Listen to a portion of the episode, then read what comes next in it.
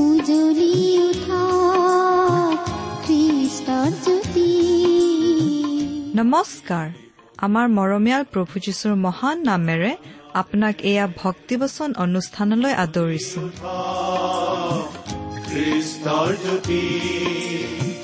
আকাশ বতাহ মুখৰিত কৰি প্ৰশংসা গীতি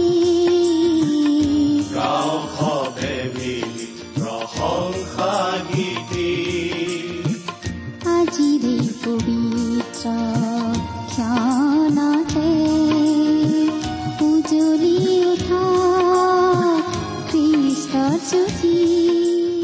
ঈশ্বৰে আপোনাক যি অসীম প্ৰেম কৰিলে তাক যদি অনুভৱ কৰিব বিচাৰে আৰু তেওঁৰ অগম্য বাক্যৰ মৌ মিঠা সোৱাদ ল'ব বিচাৰে তেন্তে আহক আজিৰ ভক্তিবচন অনুষ্ঠানটো মনোযোগেৰে শুনো। এয়া আপোনালৈ আগবঢ়াইছো ঈশ্বৰৰ জীৱন্ত বাক্যৰ অনুষ্ঠান ভক্তিবচন। আমাৰ মহান ত্ৰাণকৰ্তা প্ৰভু যীশুখ্ৰীষ্টৰ নামত নমস্কাৰ প্ৰিয় শ্ৰোতা। আশা কৰো মহান পিতা পৰমেশ্বৰৰ মহান অনুগ্ৰহত আপুনি ভালে কুশলে আছে। প্ৰিয় শ্ৰোতা আমি লগতে এই বুলিও আশা কৰিছো যে আপুনি আমাৰ এই ভক্তিপোচন অনুষ্ঠানটো নিয়মিতভাৱে শুনি আছে। আৰু লগতে এই বুলিও আশা কৰিছো যে আপুনি মাজে সময়ে আমালৈ চিঠি পত্ৰ আদি লিখি আছে। আপুনি হয়তো ভাবিছে যে এই চিঠি পত্ৰ লিখাৰ কথাটো আমিনো আপোনালোকক কিয় মাজে মাজে মনত পেলাই দি থাকো? আচলতে আমি শ্ৰোতাসকলৰ পৰা চিঠি পত্ৰ পাবলৈ আশা কৰো কাৰণ তেতিয়াহে আমি বুজি পাওঁ আমি ইমান যত্নেৰে প্ৰস্তুত কৰা এই অনুষ্ঠানসমূহ ৰাইজে শুনিছে বুলি। এই অনুষ্ঠান শুনি আপুনি কেনে পাইছে? অনুষ্ঠান সম্বন্ধে আপোনাৰ মতামত আদি জনাই আমালৈ দুষাৰিমান লিখি পঠিয়াওকচোন। খ্ৰীষ্টীয় বিশ্বাস সম্বন্ধে জানিবলগীয়া কিবা কথা থাকিলেও আমালৈ লিখিব পাৰে। আমাৰ যোগাযোগৰ ঠিকনা? ভক্তিবচন টি ডব্লিউ আৰ ইণ্ডিয়া ডাক বাকচ নম্বৰ সাত শূন্য গুৱাহাটী সাত আঠ এক শূন্য শূন্য এক। ভক্তিবচন T W R India postbox number seventy Guwahati seven eight one zero' zero' one আমাৰ website W W W dot radio' eight eight two dot com প্ৰিয় শ্ৰোতা যদিহে আপুনি আমাৰ এই ভক্তিবচন অনুষ্ঠানটো নিয়মিতভাৱে শুনি আছিল তেতিয়াহ'লে আপুনি নিশ্চয় জানে যে আমি আজি ভালেমান দিন ধৰি বাইবেলৰ নতুন নিয়ম খণ্ডৰ জাকুবৰ পত্ৰ নামৰ পুস্তকখন অধ্যয়ন কৰি আছিলো। নহয়নে বাৰু? আমি ইতিমধ্যে বহুদূৰ আগবাঢ়ি আহিলো। আৰু যদিহে আপুনি আমাৰ যোৱা অনুষ্ঠানটো শুনিছিল তেতিয়াহ'লে আপোনাৰ নিশ্চয় মনত আছে যে যোৱা অনুষ্ঠানত আমি এই জাকুবৰ পত্ৰ পুস্তকখনৰ পাঁচ নম্বৰ অধ্যায়ৰ ছয় নম্বৰ পদলৈকে পঢ়ি আমাৰ আলোচনা আগবঢ়াইছিলো। আজিৰ অনুষ্ঠানত আমি জাকুবৰ পত্ৰৰ পাঁচ নম্বৰ অধ্যায়ৰ সাত নম্বৰ পদৰ পৰা একেবাৰে শেষৰটো পদ অৰ্থাৎ বিশ নম্বৰ পদলৈকে আমাৰ আলোচনা আগবঢ়াম। অৰ্থাৎ আজিৰ অনুষ্ঠানত আমি এই জাকুবৰ পত্ৰ পুস্তকখনৰ অধ্যয়নৰ সামৰণি মাৰিম। এই জাকুবৰ পত্ৰ নামৰ পুস্তকখন হৈছে এখন চিঠি। ইয়াত খ্ৰীষ্টীয় বিশ্বাসৰ ব্যৱহাৰিক কথা কিছুমান আমি পঢ়িবলৈ পাওঁ। আৰু ইয়াৰ যোগেদি প্ৰতিজন খ্ৰীষ্টীয় বিশ্বাসীয়ে শিকিবলগীয়া কথা আছে। প্ৰিয় শ্ৰোতা আজি আমি জাকুবৰ পত্ৰখনৰ পাঁচ নম্বৰ অধ্যায়ৰ বাকী থকা পদকেইটাৰ পৰা যেতিয়া আলোচনা কৰিম আজি আমি যিটো বিষয় পঢ়িবলৈ পাম সেইটো হৈছে প্ৰভু যীশুখ্ৰীষ্টৰ পুনৰ আগমনৰ কথাটো আমাৰ বাবে সান্তনাৰ বিষয় সেই কথা। আমি কেনেকুৱা এখন জগতত বাস কৰো সেই কথাটো জাকুবে অতি সুন্দৰকৈ আমাক ইতিমধ্যেই দেখুৱাইছে। এই জগতখন হৈছে কুকুৰে কুকুৰক কামোৰাৰ নিচিনা প্ৰতিযোগিতাৰে ভৰা জগত মন্দ জগত। উন্নতিৰ জখলাৰে ওপৰলৈ বগোৱাবিলাকে তলৰবিলাকৰ আঙুলিত গচকি গচকিহে ওপৰলৈ উঠে। কিন্তু এই জগতখনটো আমি সলনি কৰিব নোৱাৰো। তেনেহলে আমিনো কি কৰিব পাৰো?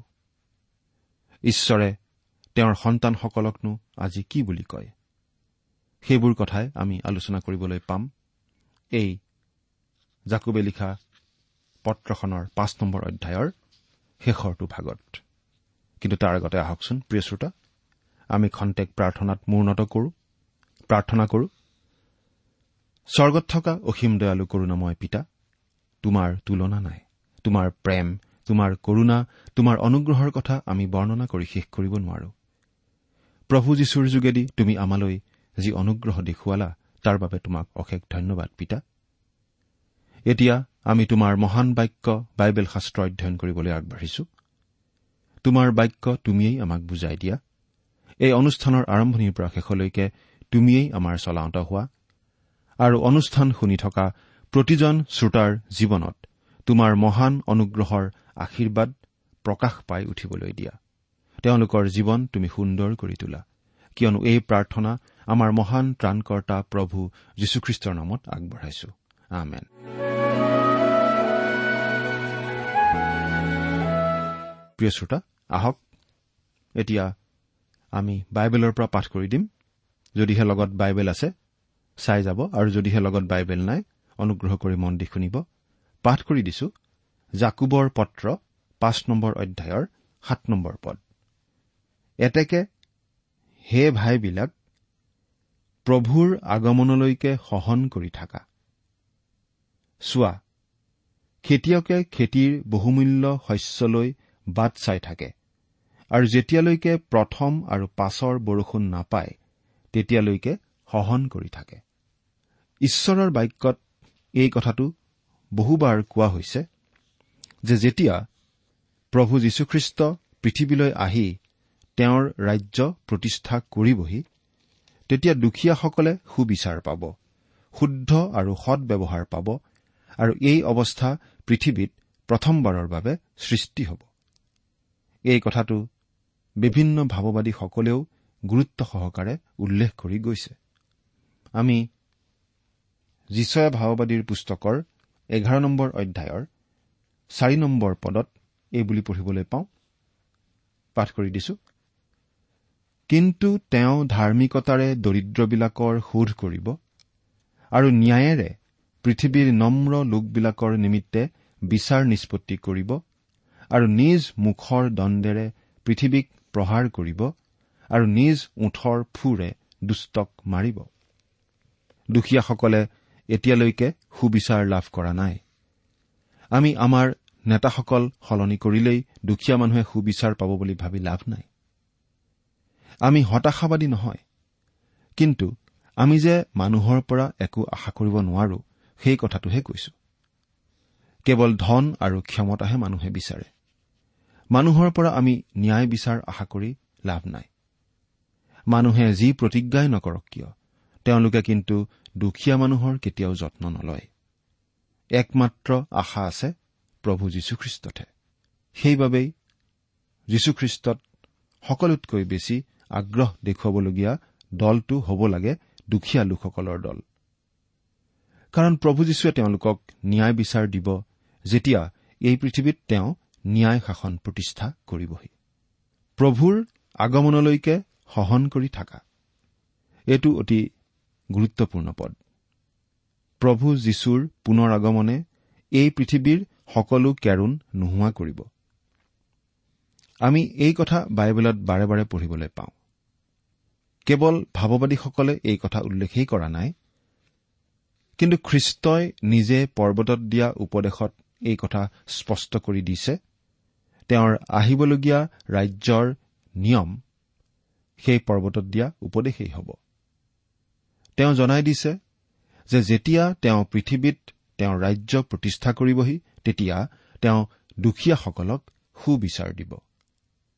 চোৱা খেতিয়কে খেতিৰ বহুমূল্য শস্যলৈ বাট চাই থাকে আৰু যেতিয়ালৈকে প্ৰথম আৰু পাছৰ বৰষুণ নাপায় তেতিয়ালৈকে সহন কৰি থাকে। অৰ্থাৎ খেতিয়কে পথাৰত গুটি সিঁচাৰ পাছদিনাখনেই পথাৰলৈ গৈ শস্য চপাবৰ সময় হৈছে নে নাই নাচায়। জাকুবে কৈছে ধৈৰ্য ধৰা শস্য চপোৱাৰ দিন আহিব। প্ৰভু যীশুখ্ৰীষ্টৰ বাক্য বিলোৱা হৈ আছে। তেওঁ শস্য সিঁচি আছে। আজি খ্ৰীষ্টীয় বিশ্বাসীসকলেও এই কামতেই ব্যস্ত হৈ আছে। আমি জানো সকলো গুটিৰ ফল নধৰে। কিছুমান ভাল মাটিত পৰিব গজিব কিন্তু কিছুমান নগজিব যদি শিলনিত পৰে। আমি অনাতাৰ যোগে প্ৰচাৰ কৰি থকা প্ৰভুৰ বাক্যই কৰবাত নহয় কৰবাত শস্য উৎপন্ন কৰিব বুলি আমি ভাবো আৰু আমি জানো আৰু তাতেই আমি আনন্দও কৰো। পদ।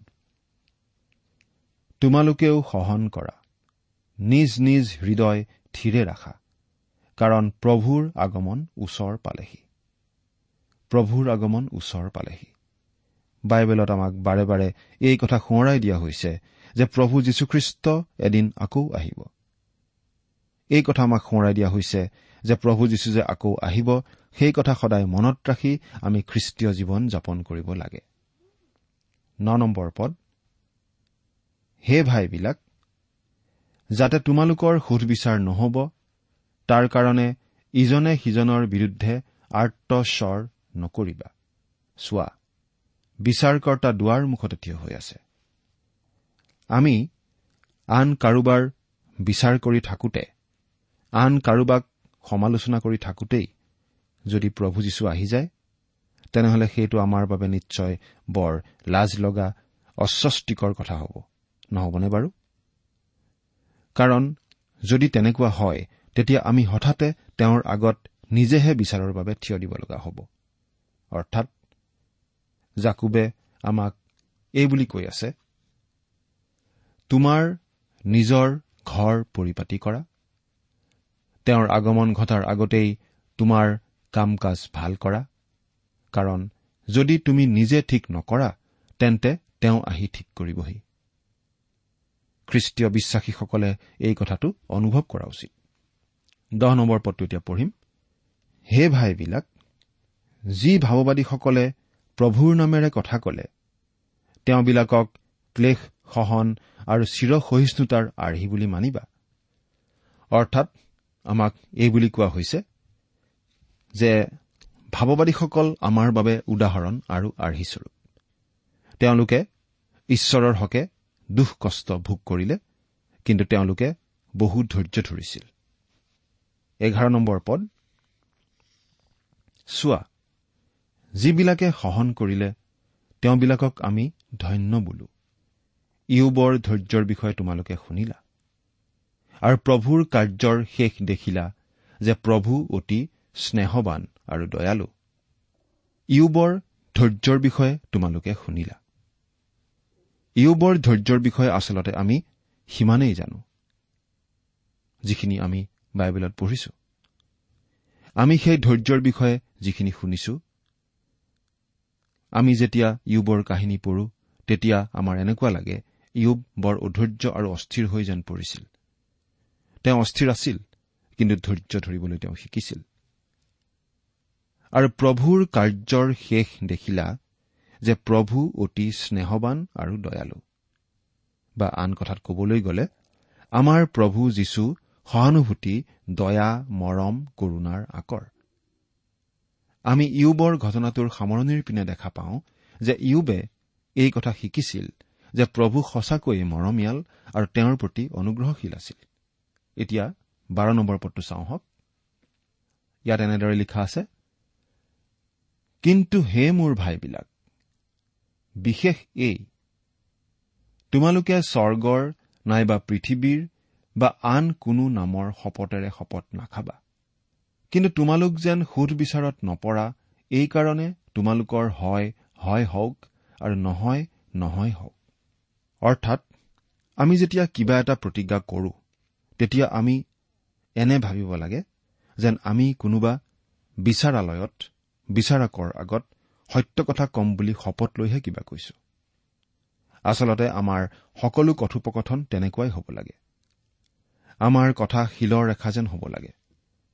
মানুহে আমাক আমাৰ কথাৰ ভিত্তিত বিশ্বাস কৰিব পৰা হ'ব লাগে। এতিয়া আমি পঢ়িবলৈ পাম ধাৰ্মিকৰ প্ৰাৰ্থনাৰ জোৰৰ কথা।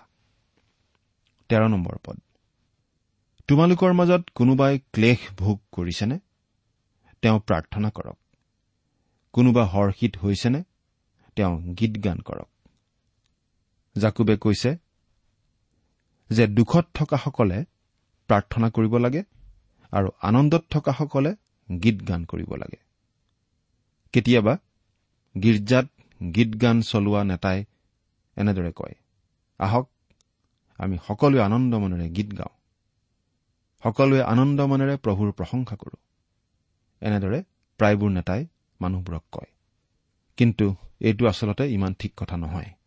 কাৰণ মানুহবিলাকৰ মাজত বহুতো মানুহ নানা ধৰণৰ কষ্ট বুজাত জুৰুলা হৈ থাকিবও পাৰে। সকলোৱে খোলা মনেৰে হাঁহিব নোৱাৰিবও পাৰে। কষ্টত থকাসকলে প্ৰাৰ্থনাহে কৰিব লাগে।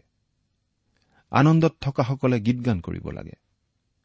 কিছুমান মানুহে গীৰ্জালৈ যায় কিবা এটা সাময়িক উৎসাহ উদ্দীপনাৰ সৃষ্টি কৰিবলৈ। কিন্তু গীৰ্জালৈ যোৱাৰ আগতেই আমাৰ অন্তৰত প্ৰবল হাবিয়াস আৰু উৎসাহ জন্মাটো উচিত। আমি মিছা অভিনয় কৰিবৰ প্ৰয়োজন নাই। চৈধ্য নম্বৰ পদ। কোনোবা নৰিয়া পৰিছেনে? তেওঁ মণ্ডলীৰ বৃদ্ধ লোকক মাতক। পাছে তেওঁবিলাকে প্ৰভুৰ নামেৰে তেওঁৰ গাত তেল ঘঁহি তেওঁৰ কাৰণে প্ৰাৰ্থনা কৰক। প্ৰিয় শ্ৰোতা কোনোবাই যদি ক'ব খোজে যে বেমাৰত পৰা প্ৰতিজন খ্ৰীষ্টীয় বিশ্বাসীয়েই আৰোগ্য হোৱাটো ঈশ্বৰৰ কামনা তেনেহলে আমি এই বুলি ক'ব লগা হ'ব যে খ্ৰীষ্টীয় বিশ্বাসী তেতিয়াহ'লে কেতিয়াও নমৰে। কাৰণ মৃত্যুজনক যিকোনো বেমাৰৰ পৰা ঈশ্বৰে তেওঁ সুস্থ কৰিব। কিন্তু সেইটোতো নহয়। আমি সকলোৱে এদিন শাৰীৰিকভাৱে মৰিবই লাগিব। যদিহে তাৰ আগে আগেই প্ৰভু যীশু আহি পেলাই এই পৃথিৱীৰ পৰা আমাক অৰ্থাৎ তেওঁৰ বিশ্বাসী লোকৰ সমষ্টি অৰ্থাৎ খ্ৰীষ্টীয় মণ্ডলীক উঠাই লৈ নাযায়। গতিকে সকলো লোক সুস্থ হোৱাটো ঈশ্বৰৰ ইচ্ছা বুলি আমি ক'ব নোৱাৰো কাৰণ কিছুমান লোকৰতো মৃত্যু হ'বই কোনো কোনো বেমাৰত আৰু আমাৰো তেনেদৰে কেতিয়াবা নহয় কেতিয়াবা মৃত্যু হ'ব। কেতিয়াবা কোনো লোক সুস্থ নহৈ মৃত্যুমুখত পৰিব লাগিব আৰু পৰে। ইয়াত জাকুবে আচলতে এই বুলি কৈছে তোমালোকৰ মাজত কোনো লোক নৰিয়াত পৰিছে। তোমালোকে কি কৰা উচিত? তেওঁ মণ্ডলীৰ বৃদ্ধসকলক মাতি অনা উচিত। আৰু সেই বৃদ্ধসকল আহি তেওঁৰ বাবে প্ৰাৰ্থনা কৰক। তেওঁক প্ৰভুৰ নামেৰে গাত তেল ঘঁহি প্ৰাৰ্থনা কৰক। অৰ্থাৎ প্ৰাৰ্থনা কৰা কাৰ্যটোৰ লগতে তেল ঘঁহাৰ কথাটো আছে। সেইবাবে ৰোগ নিৰাময় কৰিবৰ বাবে দৰৱ আদি ব্যৱহাৰ কৰা কথাটোত নিশ্চয় একো ভুল নাই বুলি আমি ভাবো। প্ৰিয় শ্ৰোতা জাকুব অতি ব্যৱহাৰিক মানুহ। তেওঁ জৰা ফুকা আদি কৰাৰ নিচিনাকৈ তেল জাৰি ফুকি মূৰত দি ৰোগীক সুস্থ কৰাৰ কথা ইয়াত কোৱা নাই। কিন্তু তেওঁ প্ৰাৰ্থনাত গুৰুত্ব দিয়া মানুহ। আৰু সেইবাবে তেওঁ কৈছে যে মণ্ডলীৰ বৃদ্ধসকলক মাতক আৰু তেওঁলোকে প্ৰাৰ্থনা কৰক। সেইকাৰণেই আমি নৰিয়াত পৰিলে আমাৰ বাবে প্ৰাৰ্থনা কৰিবলৈ আমি আনক মাতিব লাগে। খ্ৰীষ্টীয় বিশ্বাসীসকল একো একোজন পুৰোহিত। সেই কথাটো জাকুবে পাছৰ পদকেইটাতেই অধিক স্পষ্ট কৰি জনাইছে। পাঠ কৰি দিম। পোন্ধৰ আৰু ষোল্ল নম্বৰ পদ। তাতে বিশ্বাসমূলক প্ৰাৰ্থনাই সেই নৰিয়াজনক সুস্থ কৰিব আৰু প্ৰভুৱে তেওঁক তুলিব। আৰু যদিও তেওঁ পাপ কৰিলে তথাপি ক্ষমা কৰা যাব। এতেকে তোমালোক সুস্থ হবলৈ ইজনে সিজনৰ আগত নিজ নিজ পাপ স্বীকাৰ কৰিবা আৰু ইজনে সিজনৰ কাৰণে প্ৰাৰ্থনা কৰিবা। ধাৰ্মিকৰ নিবেদন কাৰ্যসাধনত মহাশক্তি বিশিষ্ট। বিশ্বাসমূলক প্ৰাৰ্থনাই সেই নৰিয়াজনক সুস্থ কৰিব। সেইবাবেই আমি বিশ্বাস কৰো যে যদি আমি নৰিয়াত পৰো তেতিয়া আমাৰ বাবে প্ৰাৰ্থনা কৰিবলৈ ঈশ্বৰৰ লোকক মাতিব লাগে যাতে বিশ্বাসমূলক প্ৰাৰ্থনা কৰিব পাৰে। এতেকে তোমালোক সুস্থ হবলৈ ইজনে সিজনৰ আগত নিজ নিজ পাপ স্বীকাৰ কৰিবা আৰু ইজনে সিজনৰ কাৰণে প্ৰাৰ্থনা কৰিবা। আমি আমাৰ পাপ ঈশ্বৰৰ আগত স্বীকাৰ কৰিব লাগে আৰু আমাৰ দোষ পৰস্পৰৰ আগত স্বীকাৰ কৰিব লাগে। যদি মই আপোনাক আঘাত দিছো সেইটো মই আপোনাৰ আগত স্বীকাৰ কৰিব লাগে। কিন্তু আমি আমাৰ পাপ ঈশ্বৰৰ আগত স্বীকাৰ কৰি ক্ষমা বিচাৰিব লাগে। বাইবেলত এনেদৰে লিখা আছে প্ৰথম জোখন এক নম্বৰ অধ্যায়ৰ ন নম্বৰ পদ। কিন্তু আমি নিজ নিজ পাপবোৰ স্বীকাৰ কৰিলে বিশ্বাসী আৰু ধাৰ্মিক যি তেওঁ তেওঁ আমাৰ পাপবোৰ ক্ষমা কৰে আৰু সকলো অধৰ্মৰ পৰা আমাক সূচী কৰে। অৰ্থাৎ আমি ঈশ্বৰৰ আগত আমাৰ পাপ স্বীকাৰ কৰিব লাগে তেওঁ আমাৰ পাপ ক্ষমা কৰে আৰু আমাক সূচী কৰে। কিন্তু আমিতো আনৰ পাপ ক্ষমা কৰিব নোৱাৰো বা আন কোনো মানুহেই আনৰ পাপ ক্ষমা কৰিব নোৱাৰে কেৱল ঈশ্বৰেহে পাপ ক্ষমা কৰিব পাৰে। কিন্তু আমি পৰস্পৰে পৰস্পৰক ক্ষমা কৰিব পাৰো। ইজনে সিজনৰ বিৰুদ্ধে যদি কিবা অপৰাধ কৰিছো কিবা অন্যায় কৰিছো তেতিয়া। ধাৰ্মিকৰ নিবেদন কাৰ্যসাধনত মহাশক্তি বিশিষ্ট। প্ৰিয় শ্ৰোতা জাকুব খুব প্ৰাৰ্থনাশীল ব্যক্তি আছিল। তেওঁক বুঢ়া উত্তৰ আঁঠু বুলি কোৱা হৈছিল। কাৰণ তেওঁ আঁঠু কাঢ়ি কাঢ়ি প্ৰাৰ্থনা কৰোতে কৰোতে আঁঠুৰ ছাল একেবাৰে ডাঠ হৈ গৈছিল। একেবাৰে উত্তৰ ছালৰ নিচিনা হৈছিল। জাকুবে এতিয়া এজন ব্যক্তিৰ কথা উল্লেখ কৰিছে যিজন ব্যক্তি প্ৰাৰ্থনাৰ আন এজন বিখ্যাত বীৰ আছিল বুলি আমি ক'ব পাৰো। আৰু সেই ব্যক্তিজন কোন? সেই ব্যক্তিজনৰ নাম হৈছে এলিয়া। এলিয়া ভাৱবাদী। পাঠ কৰি দিম। সোতৰ আৰু ওঠৰ নম্বৰ পদ দুটা। এলিয়া আমাৰে নিচিনা সুখ দুখ ভোগী মানুহ হৈও তেওঁ বৰষুণ নহবলৈ দৃঢ় প্ৰাৰ্থনা কৰিলে। তাতে তিনি বছৰ ছমাহ দেশত বৰষুণ নহল। পাছে আকৌ প্ৰাৰ্থনা কৰিলত আকাশৰ পৰা বৰষুণ হল আৰু পৃথিৱীয়ে নিজ ফল উৎপন্ন কৰিলে। কল্পনা কৰি চাওকচোন। এলিয়া ভাৱবাদীয়ে বতৰ বিজ্ঞানীৰ নিচিনা কাম কৰিছিল। চাৰে তিনি বছৰ ধৰি। তেওঁ প্ৰাৰ্থনাৰ বলেৰে চাৰে তিনি বছৰ বৰষুণ বন্ধ কৰি ৰাখিছিল। তেওঁ প্ৰাৰ্থনা নকৰা পৰ্যন্ত বৰষুণ নাহিল। প্ৰথম ৰাজা বুলি সোতৰ নম্বৰ অধ্যায়ৰ এক নম্বৰ পদত এইবুলি পঢ়িবলৈ পাওঁ। পাছে গিলিয়দ প্ৰবাসীবিলাকৰ মাজৰ টিছবিয়া এলিয়াই আহাবক কলে মই যিজনৰ সাক্ষাতে থিয় হৈ আছো সেই ইছৰাইলৰ ঈশ্বৰ জিহুৱাৰ জীৱনৰ শপত। এই কেইবছৰ নিয়ৰ কি বৰষুণ নপৰিব? কেৱল মোৰ বাক্য অনুসাৰেহে পৰিব তাৰপিছত প্ৰথম ৰাজা বুলি ওঠৰ নম্বৰ অধ্যায়ৰ বিৰাল্লিছৰ পৰা পঞ্চল্লিছ নম্বৰ পদলৈকে পাঠ কৰি দিম কি ঘটিছিল আমি দেখা পাম। তাতে আহাবে ভোজন পান কৰিবলৈ উঠি গ'ল আৰু এলিয়াই কৰ্মিল পৰ্বতৰ টিঙলৈ গৈ মাটিলৈ চাপৰি আঁঠু দুটাৰ মাজত নিজৰ মুখ ৰাখিলে। পাছে তেওঁ নিজৰ দাসক কলে এতিয়া উঠি সাগৰৰ ফালে চাই আহাগৈ। তাতে তেওঁ উঠি গৈ চাই আহি কলে একোৱেই নাই। তেতিয়া এলিয়াই কলে তুমি আকৌ যোৱা সাতবাৰ এইদৰে কৰা। পাছে সপ্তমবাৰত তেওঁ কলে চাওক মানুহৰ হাতৰ নিচিনা সৰু এখন মেঘ সাগৰৰ পৰা উঠিছে। তেতিয়া এলিয়াই কলে তুমি উঠি গৈ আহাবক কোৱা আপুনি ৰথ সজাই নামি যাওক নহলে যাবলৈ বৰষুণে আপোনাৰ বাধা জন্মাব। ইয়াৰ অলপ পাছত মেঘেৰে আৰু বতাহেৰে আকাশ কোলা হৈ উঠিল আৰু বৰ বৰষুণ হল আৰু আহাবে ৰথত উঠি জিজৰিয়েললৈ গ'ল। কিন্তু এলিয়াও মানুহে আছিল। তেওঁৰ নিচিনাই আমিও সকলো মানুহ। তেওঁ কোনো অতিমানৱ নহয়। তেওঁ আমাৰ নিচিনা দুখ সুখ ভোগী মানুহেই আছিল। কিন্তু তেওঁ প্ৰাৰ্থনা কৰিছিল প্ৰবল হাবিয়াসেৰে আৰু আজিও তেনেকুৱা ধৰণেৰে প্ৰাৰ্থনা কৰা লোকৰ প্ৰয়োজন আছে। ঊনৈশ আৰু বিশ নম্বৰ পদ। হে মোৰ ভাইবিলাক তোমালোকৰ মাজৰ কোনোৱে সত্যৰ পৰা ভ্ৰান্ত হলে যদি কোনোবাই তেওঁক ফিৰাই আনে তেন্তে যিজনে পাপীক তেওঁৰ পথভ্ৰান্তিৰ পৰা ফিৰাই আনে তেওঁ এটি প্ৰাণক মৃত্যুৰ পৰা ৰক্ষা কৰিব আৰু পাপসমূহ ঢাকিব ইয়াকে তেওঁ জানক। যদি কোনোবাই তেওঁক ফিৰাই আনে কিছুমান ব্যাখ্যাকাৰে ক'ব খোজে যে ইয়াত কোনো খ্ৰীষ্টীয় বিশ্বাসীয়ে অপথে যোৱা আৰু তেওঁক উভোতাই অনাৰ কথা বুজোৱা হৈছে। কিন্তু আমি হলে ভাবো যে ইয়াত যিসকল লোকে এতিয়াও পৰিত্ৰাণ লাভ কৰা নাই যিসকলে এতিয়াও সত্যৰ সন্ধান পোৱা নাই তেনেকুৱা লোকক অনাৰ কথাহে বুজোৱা হৈছে। পাপসমূহ ঢাকিব যেতিয়া কোনো মানুহ ভ্ৰান্ত পথৰ পৰা ঠিক পথলৈ আহে আৰু খ্ৰীষ্টক নিজৰ পৰিত্ৰতা বুলি জানি বুজি গ্ৰহণ কৰে তেওঁৰ পাপ যিমানেই অসংখ্য নহওক কিয় সকলো পাপ খ্ৰীষ্টৰ তেজে ঢাকিব। আমাক যে বিশ্বাসৰ দ্বাৰাই ধাৰ্মিক বুলি ঘোষণা কৰা হয় তাৰ সকলোতকৈ অপূৰ্ব কথাটো এইয়ে যে ঈশ্বৰে যেতিয়া আমাৰ পাপবোৰ এবাৰ ক্ষমা কৰে সেই পাপ চিৰদিনৰ বাবে তেওঁ পাহৰি যায়। পূবৰ পৰা পশ্চিমলৈ যিমান দূৰ তেওঁ আমাৰ পাপবোৰো আমাৰ পৰা সিমান দূৰ কৰে।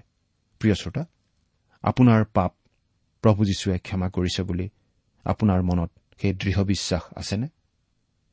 ঈশ্বৰে আপোনাক আশীৰ্বাদ কৰক। আহমেদ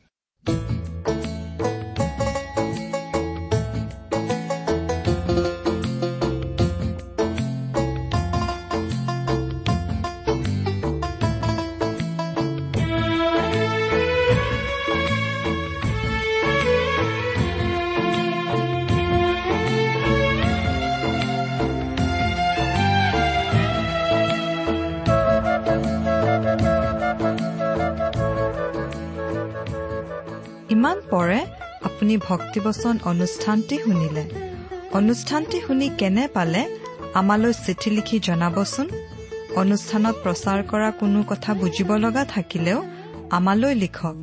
আমাৰ ঠিকনা ভক্তিবচন টি ডাব্লিউ আৰ ইণ্ডিয়া ডাক বাকচ নম্বৰ সাত শূন্য গুৱাহাটী সাত আঠ এক শূন্য শূন্য এক। ঠিকনাটো আৰু এবাৰ কৈছো। ভক্তিবচন টি ডাব্লিউ আৰ ইণ্ডিয়া ডাক বাকচ নম্বৰ সাত শূন্য গুৱাহাটী সাত আঠ এক শূন্য শূন্য এক আপুনি ইমেইল যোগেৰেও আমাৰ সৈতে যোগাযোগ কৰিব পাৰে আমাৰ ইমেইল আইডিটো হৈছে Assamese T TV at radio' eight eight two dot com আইডিটো আকৌ এবাৰ কৈছো Assamese T TV at radio' eight eight two dot com আপুনি টেলিফোনৰ মাধ্যমেৰেও আমাক যোগাযোগ কৰিব পাৰে। আমাৰ টেলিফোন নম্বৰটো হৈছে শূন্য তিনি ছয় এক দুই ছয় শূন্য চাৰি ছয় সাত এক। ফোন নম্বৰটো আকৌ এবাৰ কৈছো zero' three six one two six zero' four six seven one. আজিৰ অনুষ্ঠানটি ইমানতে সামৰিছো। ঈশ্বৰৰ শান্তি আৰু অনুগ্ৰহ আপোনাৰ লগত থাকক। ধন্যবাদ।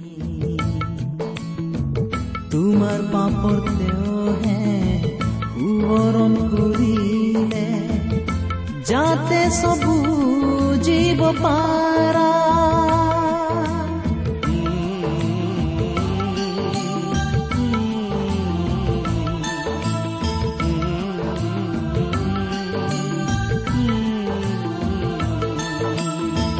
তেওঁ আনন্দৰে নিজৰ জীৱন দিলে